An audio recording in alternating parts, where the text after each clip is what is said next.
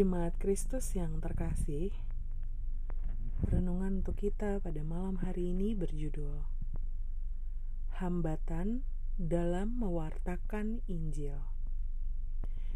Dan bacaan firman Tuhan diambil dari kitab 2 Korintus pasal 2 ayat ke-12 sampai dengan 17.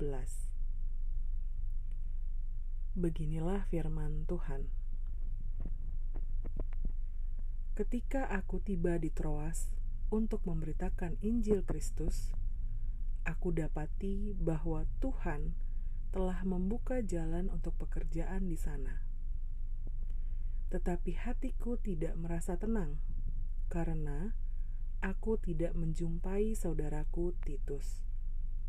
Sebab itu, aku minta diri dan berangkat ke Makedonia.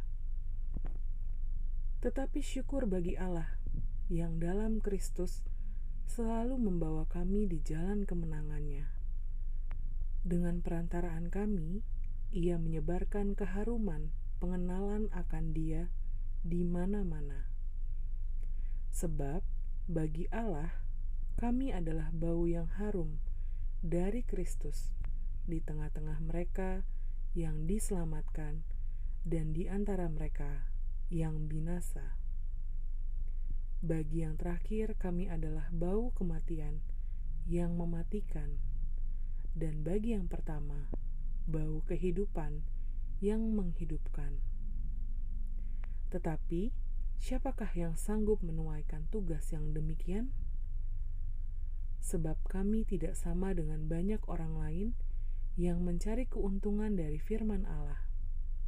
Sebaliknya, dalam Kristus, kami berbicara sebagaimana mestinya dengan maksud-maksud murni atas perintah Allah dan di hadapannya.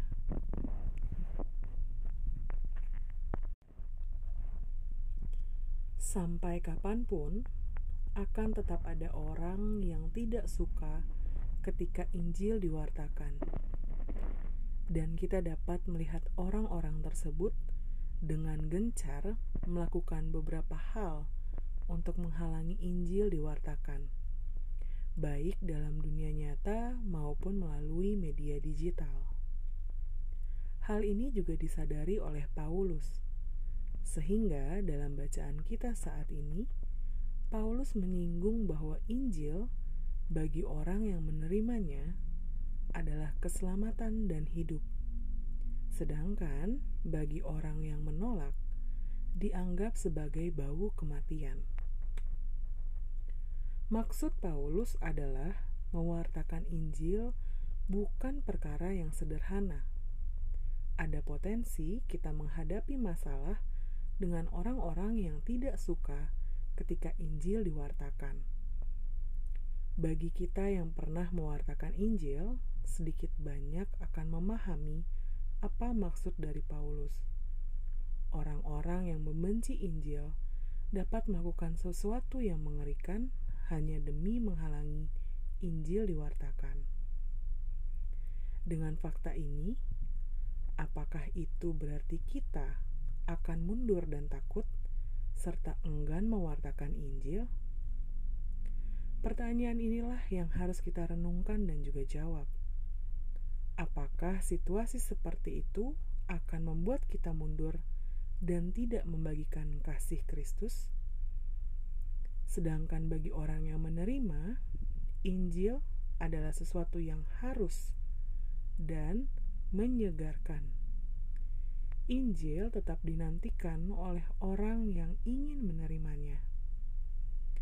Ini bergantung kepada kita.